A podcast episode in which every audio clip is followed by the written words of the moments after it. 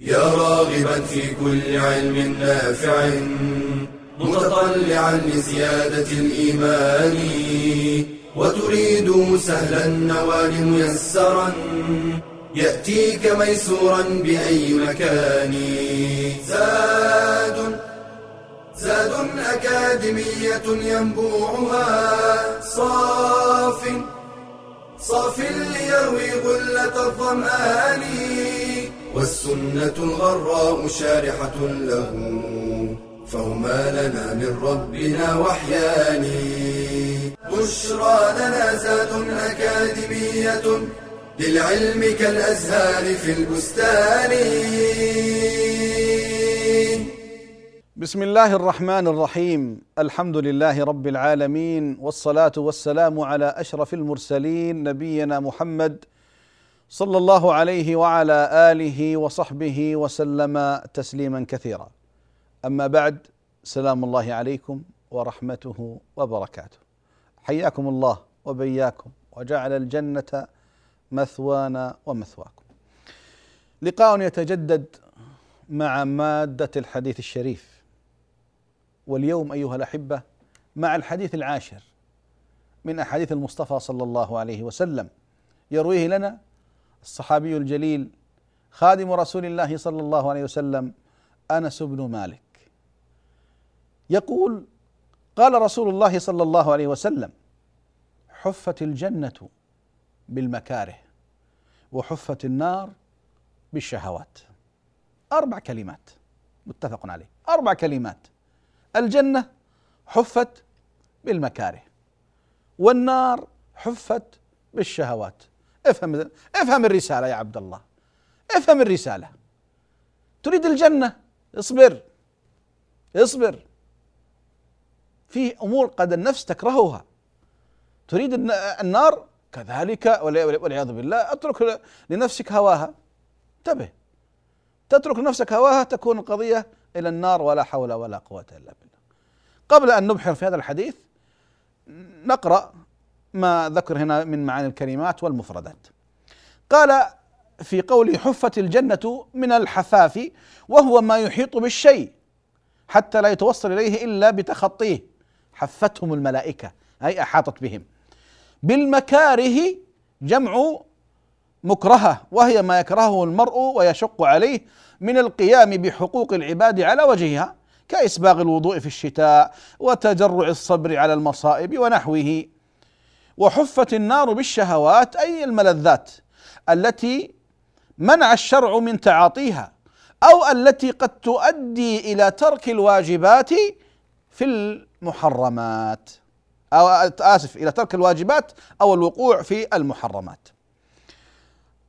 هذا الحديث يقول من جوامع كلمه صلى الله عليه وسلم كما قال ابن حجر وبديع بلاغته في ذم الشهوات وإن مالت إليها النفوس والحث على الطاعات وإن كرهتها وشقت عليها. أحبتي في الله كما قلنا هذا الحديث من جوامع الكلم وصدقوني هذا الحديث يمكن أن يؤلف فيه مجلدات ولا أبالغ في هذا. ولا أبالغ في هذا. هذا الحديث على أربع كلمات لكن يمكن أن الدين كله يدخل تحت هذا الحديث فقط. حفت الجنة بالمكاره حفت النار بالشهوات. صح عنه صلى الله عليه وسلم أنه قال لما خلق الله الجنة اللهم اجعلنا من أهلها. قال الله لجبريل يا جبريل اذهب فانظر إليها. ذهب جبريل نظر إليها ثم عاد قال يا ربي وعزتك وجلالك لا يسمع بها أحد إلا دخلها. فخلق الله سبحانه وتعالى آسف قبل ذلك. فالله سبحانه وتعالى أمر بالجنة فحفت بالمكاره قال يا جبريل اذهب فانظر إليها. ذهب جبريل ثم عاد قال يا ربي وعزتك وجلالك لقد خشيت الا يدخلها أحد. خشيت الا يدخلها أحد. فخلق الله النار. يا جبريل اذهب فانظر إليها. ذهب جبريل ثم عاد قال يا رب وعزتك وجلالك لا يسمع بها أحد إلا لم يدخلها. إلا لم يدخلها. فأمر الله سبحانه وتعالى بالنار فحفت بالشهوات. يا جبريل اذهب فانظر إليها. ذهب ثم عاد قال يا ربي وعزتك وجلالك لقد خشيت ألا ينجو منها أحد. لقد خشيت ألا ينجو منها أحد. النار ما حد يطيقها ولا يحبها ولا يتمناها. لكن مع الأسف أيها الأحبة الأحاديث ماذا تقول؟ أن أهل النار إلى أهل الجنة يعني ألف إلى واحد واحد في الجنة و999 في النار أين العقول؟ ولذلك أيها الأحبة ماذا يقول صلى الله عليه وسلم؟ يقول عن الجنة أسأل الله أن يجعلنا وإياكم من أهلها قال ما رايت كالجنه نام طالبها ما رأيتك الجنة؟ نام طالبها. الذي يعرف الجنة وما فيها؟ وماذا عده الله لعباده الصالحين فيها؟ ينام يكسل يغفل ينحرف يعصي. أين عقلك؟ ما رأيتك الجنة؟ نام طالبها. وما رأيتك النار؟ نام هاربها. مع الأسف. يقول مالك بن دينار رحمه الله لولا أن أفعل شيئا لم أسبق إليه لجعلت على كل جبل ورابية رجل ينادي بأعلى صوته النار النار النار النار. أحبتي في الله هم طريقان لا ثالث لهما فريق في الجنة وفريق في السعير غير كذا ما في فريق في الجنة وفريق في السعير. ولذلك أيها الأحبة العاقل لابد أن ينتبه أن ينتبه. يا أخي الجنة وما أعده الله لعباده في الجنة كيف تنام عنها؟ الله سبحانه وتعالى يقول أعددت لعبادي الصالحين ما لا عين رأت ولا أذن سمعت ولا خطر على قلب بشر. ما خطر على قلب بشر. إذا دخل أهل الجنة الجنة نادى منادي يا أهل الجنة إن لكم أن تحيوا فيها فلا تموتوا أبدا. إن لكم أن تشبوا فيها فلا تهرموا أبدا. إن لكم أن تسعدوا فيها فلا تشقوا أبدا. إن لكم أن تحيوا فيها فلا تموتوا أبدا. يا أهل الجنة خلود فلا موت. يا أهل النار خلود فلا موت. يعني المنغصات التي في الدنيا غير موجودة في الآخرة في الجنة. اذا حياة بلا موت شباب بلا هرم صحة بلا سقم سعادة بلا شقاء. ماذا تريد بعد ذلك؟ أهل الدنيا الآن أيها الأحبة يسعون إلى هذه الأمور بأموالهم وعقولهم واحتيالهم ما وجدوها. أما في الجنة فلا. سن واحدة ثلاث وثلاثون سنة. شباب وقوة ونضاره وسعادة. يعني حتى نوم في الجنة ما في أيها الأحبة. أنت تنام في الدنيا لأنك تتعب. أما الجنة ما فيها تعب فما فيها نوم. ولذلك أيها الأحبة يقول صلى الله عليه وسلم إن أقل أهل الجنة من يملك عشرة أضعاف الدنيا منذ أن خلقت. أقل واحد في الجنة. يملك عشرة أضعاف الدنيا. الدنيا وفي حديث آخر إن أقل أهل الجنة منزلة من ينظر في ملكه ألف سنة. ألف سنة ينظر في ملكه. أنا لو تجيب الكرة الأرضية أن أنظر فيها في في ثواني. في ثواني أنظر الكرة الأرضية في ثواني. لا هذا أقل واحد في الجنة ينظر إلى ملكه ألف سنة ما ينتهي. كم حجمها؟ كم حجمها؟ الله أكبر يا أحبابي لموضع صوت أحدكم في الجنة خير من الدنيا وما عليها ولذلك أعلى نعيم الجنة ما هو؟ النظر إلى وجه الرحمن، اللهم اجعلنا ممن ينظر إلى وجهك الكريم. هذا أعلى نعيم في الجنة أيها الأحبة، لا تقول لي حوريات ولا قصور ولا ذهب ولا طعام، لا أعلى نعيم الجنة آه لهم ما يشاءون فيها ولدينا مزيد. النظر إلى وجه الله سبحانه وتعالى. ولذلك هذا نعيم. ولذلك أهل الجنة يرون ربهم في كل أسبوع يوم الجمعة. وهناك أعلى نعيم الجنة من يرى الله عز وجل في كل يوم مرتين. في الصباح غدوة وعشية. فاصل. ثم نعود إليكم بإذن الله تعالى.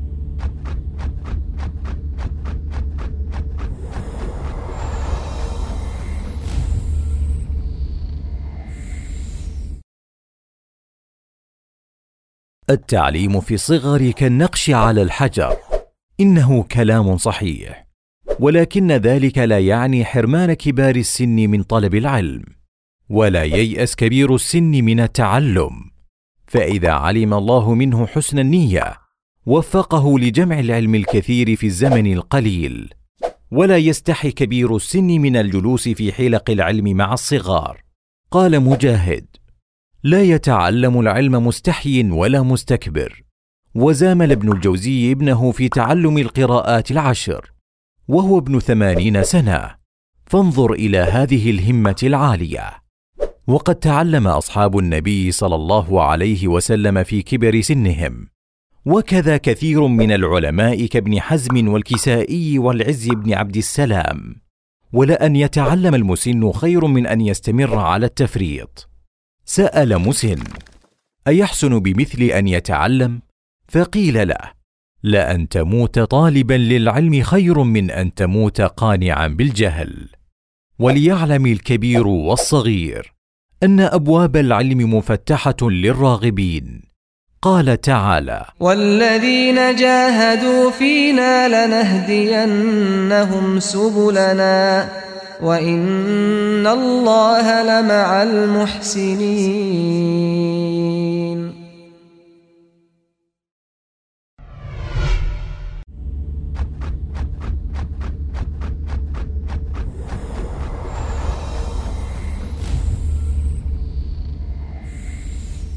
الحمد لله رب العالمين والصلاة والسلام على أشرف المرسلين نبينا محمد صلى الله عليه وعلى آله وصحبه وسلم.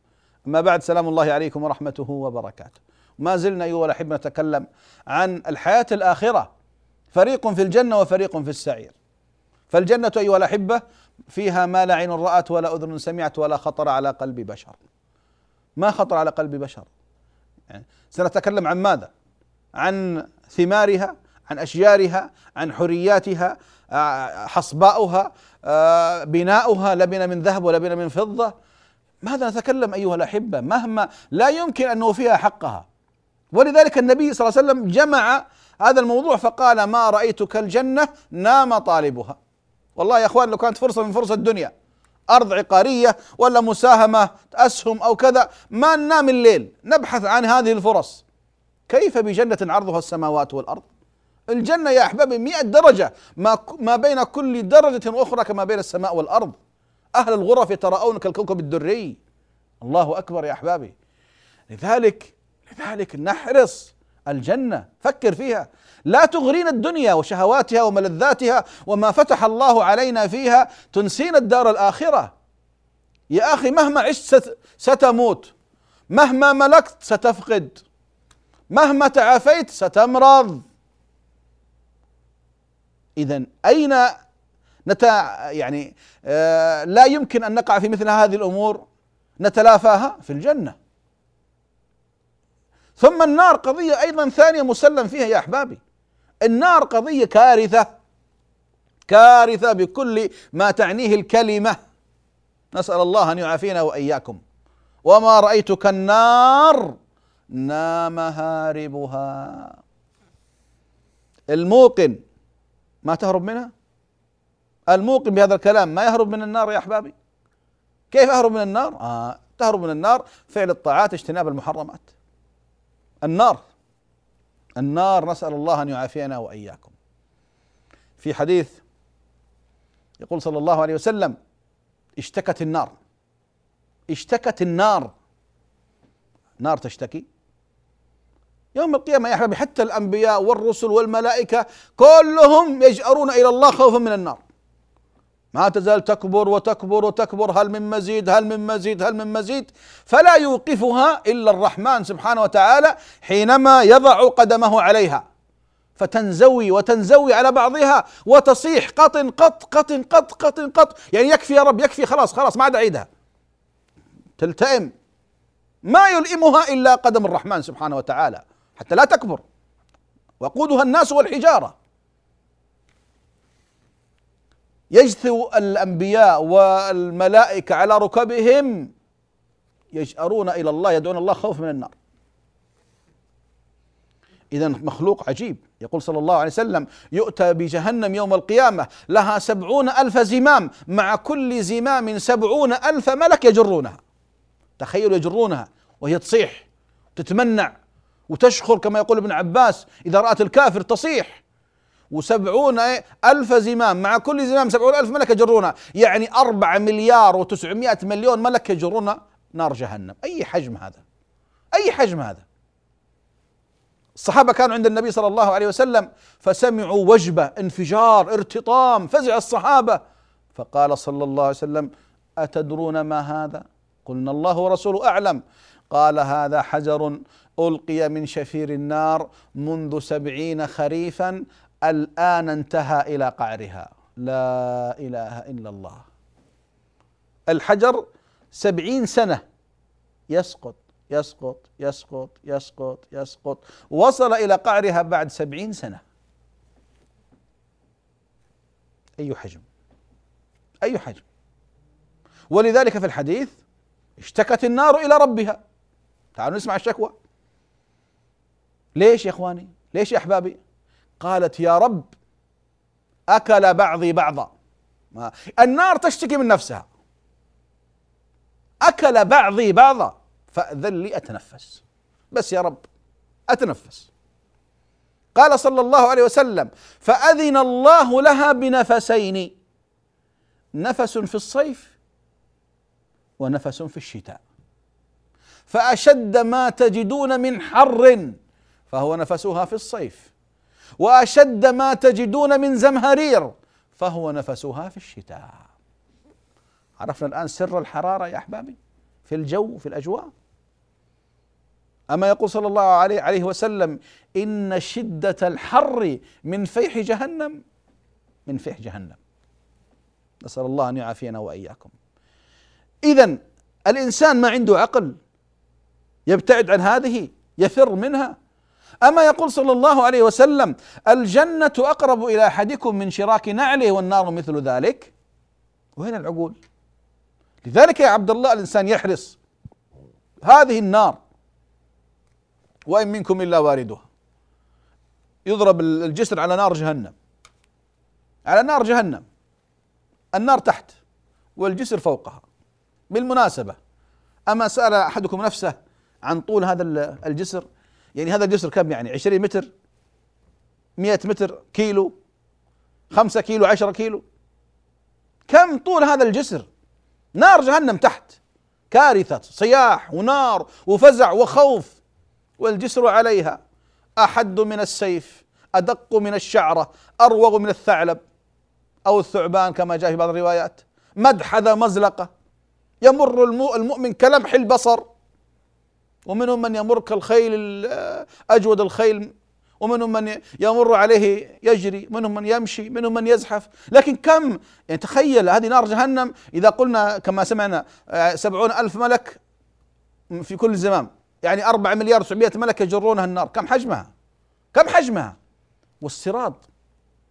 والله بعض كتب العقيدة لما تذكر تذكر بعض الأقوال في هذا الإنسان يعجب. جاء في بعض الأقوال آه، أن صعوده خمسة ألاف سنة والمشي عليه خمسة ألاف سنة والهبوط منه خمسة ألاف سنة. يمر عليه المؤمن كالبرق. لذلك أحبتي في الله هناك قضايا في الدار الآخرة لا بد أن نسأل عنها وأن نفهمها. هذه قضية مسلمة وإن منكم إلا واردها.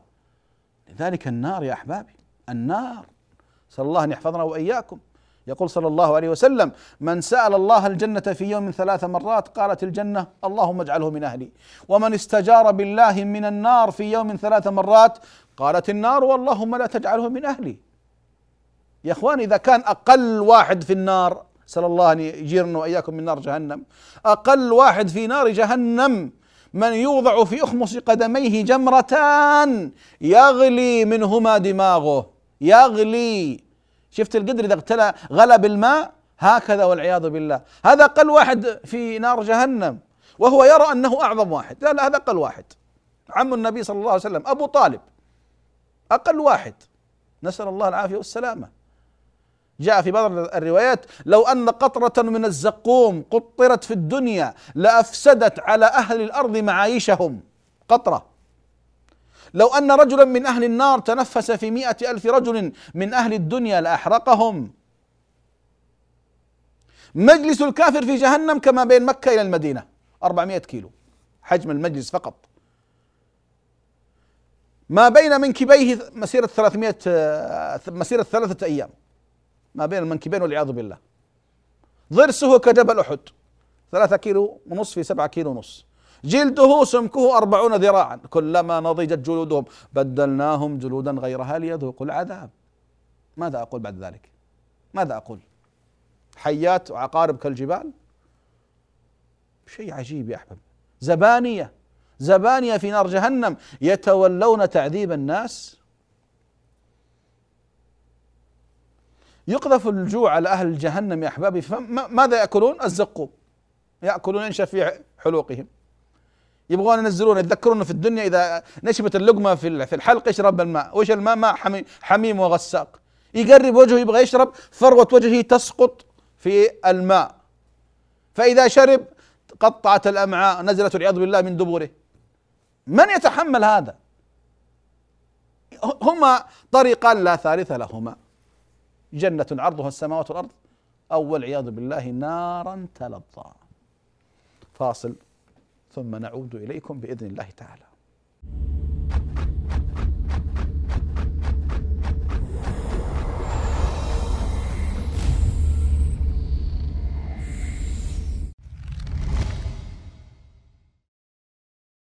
لقد شرع الله الدين للناس رجالا ونساء ووعد الجميع الجنة والحياة الطيبة إذا قام بواجبه. فقال تعالى من عمل صالحا من ذكر أو أنثى وهو مؤمن فلنحيينه حياة طيبة ولنجزينهم أجرهم بأحسن ما كانوا يعملون.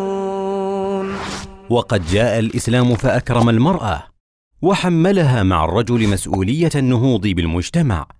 وحسن الرعاية له. فقال عليه الصلاة والسلام كلكم راع وكلكم مسؤول عن رعيته.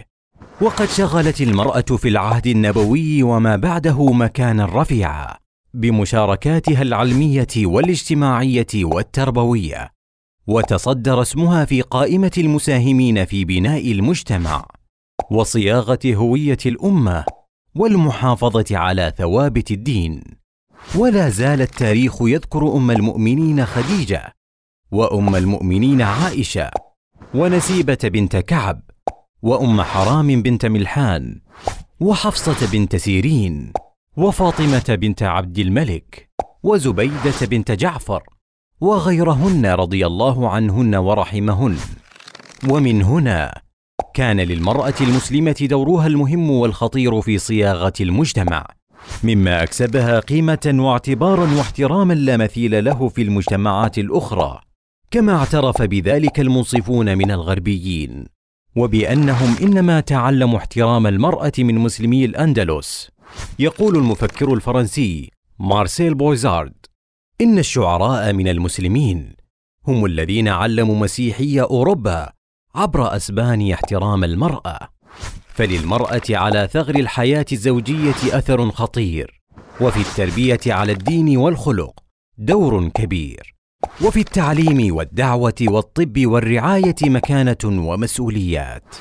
وقيام المرأة المسلمة بهذا وغيره له أثره الإيجابي في إصلاح المجتمع كله أسرا وأفرادا. وصدق عليه الصلاة والسلام حين قال إنما النساء شقائق الرجال.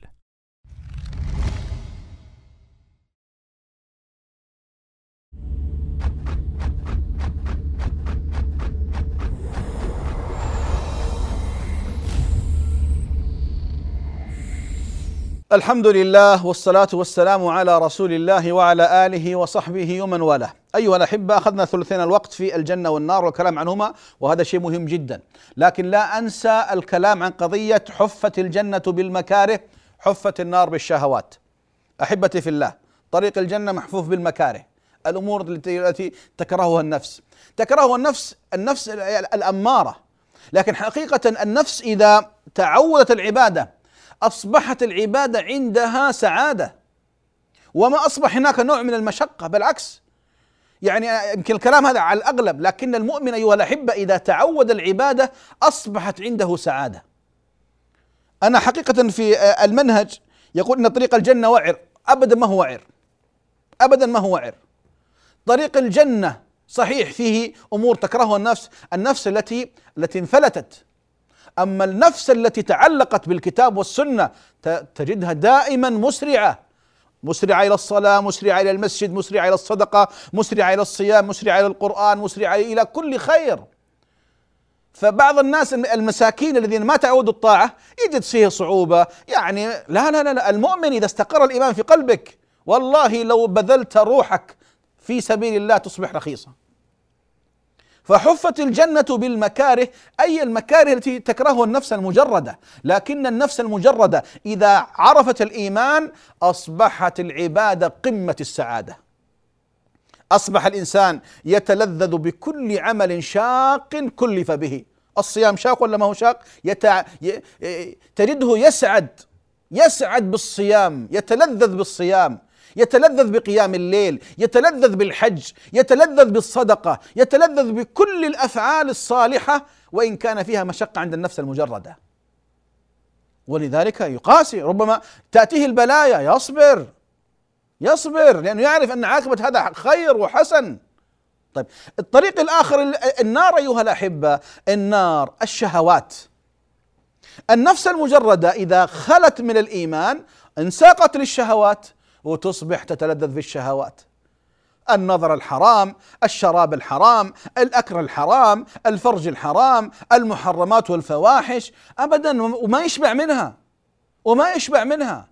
يعني هل تظن أنه الآن هذا الذي يقع في المحرمات والشهوات يعني سيجد السعادة؟ والله ما يجدها. والذي لا إله إلا هو أن صاحب المعصية لا يجد السعادة ابدا. يقول الحسن البصري رحمه الله وإن هملجت بهم البراذين وطقطقت بهم البغال أبى الله إلا أن يذل من عصاه إن ذل المعصية لا يظهر على محياهم. إذا المعصية عمر عمرها ما كان فيها سعادة. أذكر كلمة جميلة للشيخ علي الطنطاوي رحمة الله عليه. ماذا يقول؟ يقول قرأت آلاف الكتب والمجلدات. يقول فما خرجت بمثل هذه الفائدة ما هي الفائدة شيخ علي رحمة الله عليك؟ يقول ذكرها عن ابن الجوزي رحمة الله عليه ذكرها في سيد الخاطر. مشقة الطاعة مشقة الطاعة تذهب ويبقى أجرها. ولذة المعصية تذهب ويبقى وزرها. سمعنا أيها الأحبة؟ الطاعة مهما كان فيها مشقة الحج مشقة العمرة مشقة الصيام مشقة صلة الأرحام مشقة قيام الليل مشقة لكن يقول مهما بلغت المشقة مشقة الطاعة تزول المشقة ويبقى إيش؟ يبقى أجرها فضلها خيرها والمعصية لذة المعصية مهما تلذذ الإنسان بالمعصية مهما تلذذ ستزول ويبقى إثمها العاقل يختار. اختر ولذلك العاقل بل الإنسان على نفسه بصيرة ولو ألقى معاذيره. لذلك أيها الأحبة طريق الجنة طريق السعادة طريق الطمأنينة طريق الرضا طريق الهداية النهاية السعيدة. وإن صادفتك بعض الأمور التي قد يعني قد تكلفك يعني قد يعني تصبر عليها الصبر والنار طريق الشقاء والتعاسة والذل والضيق والضياع. نسأل الله أن يعافينا وإياكم. أذكر كلمة جميلة لشيخ الإسلام ابن تيمية رحمه الله. يقول بالصبر واليقين تنال الولاية في الدين. بالصبر واليقين تنال الولاية في الدين. يعني الصبر قال العلماء الصبر يسد منافذ الشهوات. واليقين يسد منافذ الشبهات. لأن الذنوب أيها الأحبة إما شهوات أو شبهات. ذنوب الدنيا إما شهوة أو شبهة. فيقول رحمه الله الصبر يسد منافذ الشهوات. واليقين يسد منافذ الشبهات. فإذا جاء الصبر وجاء اليقين إيش بعد عندك من الذنوب والمعاصي؟ شهوات مقفل عليها شبهات مقفل عليها هنا ستصل إلى الإمامة في الدين. وكذلك يقول ابن القيم رحمه الله كلمة قريبة من هذا. يقول إذا تزوج الصبر باليقين نتج عنهما الولاية في الدين. نتج عنهما الولاية في الدين.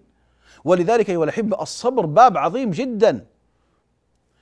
آه العلماء لما تكلموا في الصبر واسمحوا لي وقفة سريعة لا أريد حينما نتكلم على الصبر أيها الأحبة يكون كلام مجرد. لا لا نريد كلام تطبيقي. دائما نقرأ الصبر ثلاثة أنواع صبر على الطاعة صبر عن المعصية صبر على أقدار الله. طب وقف شوي تحملني شوي. افهم هذا الكلام. صبر على الطاعة ثق تماما. والله لن تقوم بطاعة بعد توفيق الله إلا الصبر معك. ما الذي يجعلك تتوضأ وتلبس ملابسك وتذهب للمسجد؟ الصبر. ما الذي يجعلك تصوم؟ الصبر. ما الذي يجعلك تقرأ القرآن؟ الصبر. ما الذي يجعلك آه، تتصدق تذكر الله؟ الصبر. اذا صبر على الطاعة. النفس ما تبغى شيء شيء يعني يقيدها. يأتي الصبر. آه، يأطرها على الطاعة أطرا. طيب.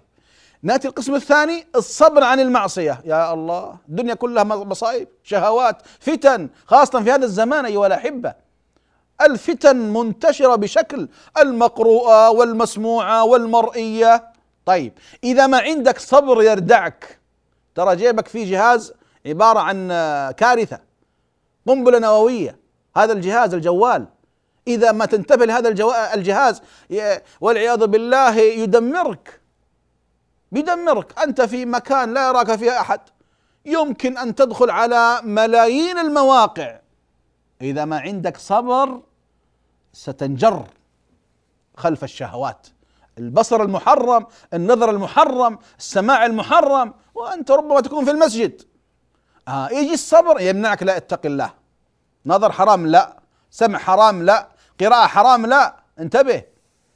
ولذلك إذا لم تستصحب الصبر بعد توفيق الله والاستعانة بالله آه الدنيا كلها شهوات.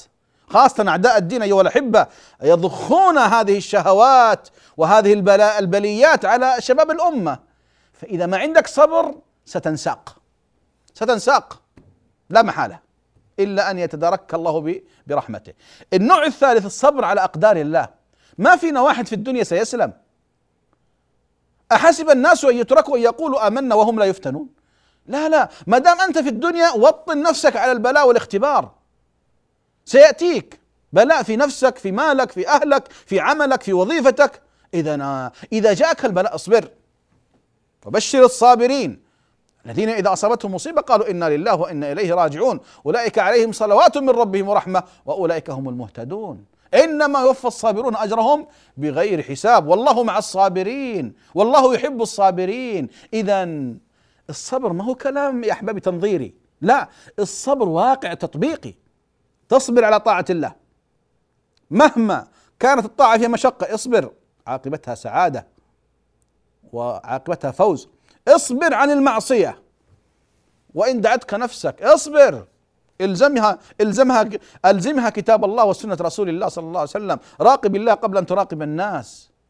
كذلك اصبر على أقدار الله. مهما نزل بك من مصاب تذكر رسولك محمد صلى الله عليه وسلم وإذا أتتك من الأمور مصيبة فاذكر مصابك في النبي محمد صلى الله عليه وسلم. وبالتالي يا أحبتي في الله حفت الجنة بالمكاره. نعم. أمور تكرهها النفس النفس اللي ما عندها إيمان. لما تقرأ سيرة الأنبياء الصحابة التابعين سلفنا الصالح أبدا. خلاص الإيمان لما يصل القلب واليقين تصبح العبادات مهما صار فيها من مشقة لا شيء. حفت النار بالشهوات انتبه. النفس النفس تركن للدنيا والشهوات. احذر اصبر. راقب الله سبحانه وتعالى اتق الله سبحانه وتعالى. أنت تريد الجنة إذا تصبر. تضحي. الدنيا يعني تذكر. المشقة تزول مشقة الطاعة تزول ويبقى أجرها ولذة المعصية تزول ويبقى إثمها. فريقان في الجنة وفي السعير أسأل الله أن يجعلنا وإياكم من أهل الجنة. وصلنا إلى نهاية لقائنا اليوم وأسأل الله سبحانه وتعالى بأسمائه وصفاته أن يرزقنا خشيته في الغيب والشهادة وأن يجعلنا ممن يستمع القول فيتبع أحسنه. اللهم يا حي يا قيوم برحمتك نستغيث. أصلح لنا شأننا كله ولا تكلنا إلى أنفسنا طرفة عين. اللهم اغفر لآبائنا وارحم أمهاتنا وأصلح نياتنا وذرياتنا وأهل بيوتنا. وصل اللهم على محمد وعلى آله وصحبه وسلم والحمد لله رب العالمين. يا راغبا في كل علم نافع. متطلعا لزيادة الإيمان وتريد سهلا النوال ميسرا يأتيك ميسورا بأي مكان. زاد زاد أكاديمية ينبوعها صاف صاف ليروي غلة الظمآن والسنة الغراء شارحة له. فهما لنا من ربنا وحيان بشرى لنا زاد أكاديمية للعلم كالأزهار في البستان.